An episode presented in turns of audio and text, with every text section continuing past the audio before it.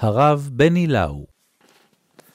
את המבט של הפרק היום, פרק ה', אני מבקש למקד בדמות של השוטרים, שוטרי בני ישראל.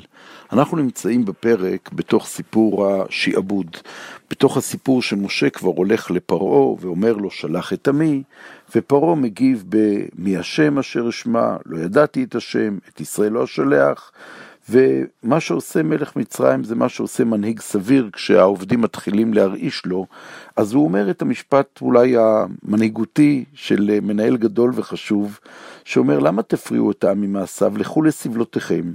ואז אומר פרעה לעם שלו, אומר רבים היום עם הארץ והשבתם אותם מסבלותם, והוא מצווה את הנוגסים בעם ואת שוטריו לאמור, לא תוסיפון לתת תבן לעם, ללבון לבנים כתמול שלשום, הם ילכו וקוששו להם תבן, ואת מתכונת הלבנים אשר הם עושים תמול שלשום תשימו עליהם, לא תגרעו ממנו כי נרפים הם, על כן הם צועקים לאמור, נלכה נזבחה.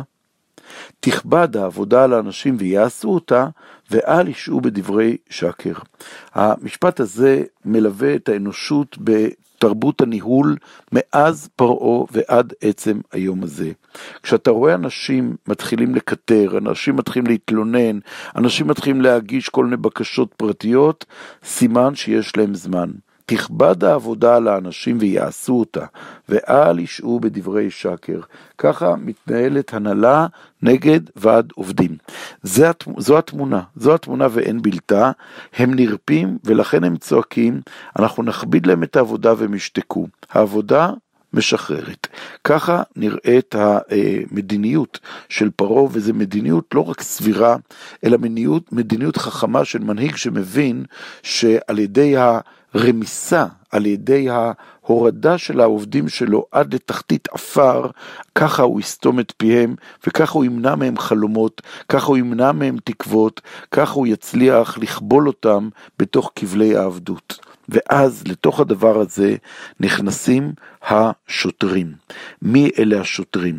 כתוב ככה, ויצאו נוגסי העם ושוטריו, ויאמרו אל העם לאמור, כה אמר פרעה, אינני נותן לכם תבן, אתם לכו קחו לכם תבן מאשר תמצאו, כי אין נגרם עבודתכם דבר.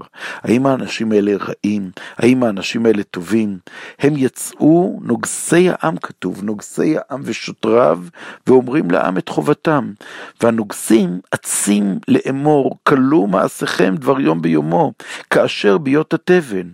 והפסוק הבא, ויוכו שוטרי בני ישראל, אשר שמו עליהם נוגסי פרעה, לאמור, מדוע לא חיליתם חוקיכם ללבון, כי תמול שלשום גם תמול גם היום. ואז הם ממשיכים ואומרים, ויבואו שוטרי בני ישראל, ויצעקו אל פרעה, לאמור למה תעשה חולה עבדיך? תבן אין ניתן לעבדיך, ולבנים אתה אומר לנו עשו, והנה עבדיך מוכים וחטאת עמך. הוא עונה להם, נרפים אתם נרפים, על כן אתם אומרים נלכה נזבחה לאדוני. ויראו שוטרי בני ישראל אותם ברע, לאמור לא תגרעו מלבניכם דבר יום ביומו. ויפגעו את משה ואת אהרון ניצבים לקראתם בצאתם מאת פרעה, ויאמרו אליהם ירא אדוני אליכם וישפוט, אשר יבאשתם את ריחנו בעיני פרעה, ובעיני עבדיו לתת חרב בידם להרגנו. המשפטים האלה מעמידים את השוטרים בנקודה מאוד מאוד בעייתית. הם באים ותוקפים תוקפים את, ה, את, את משה, תוקפים את אהרון, כי, כי פרעה תוקף אותם.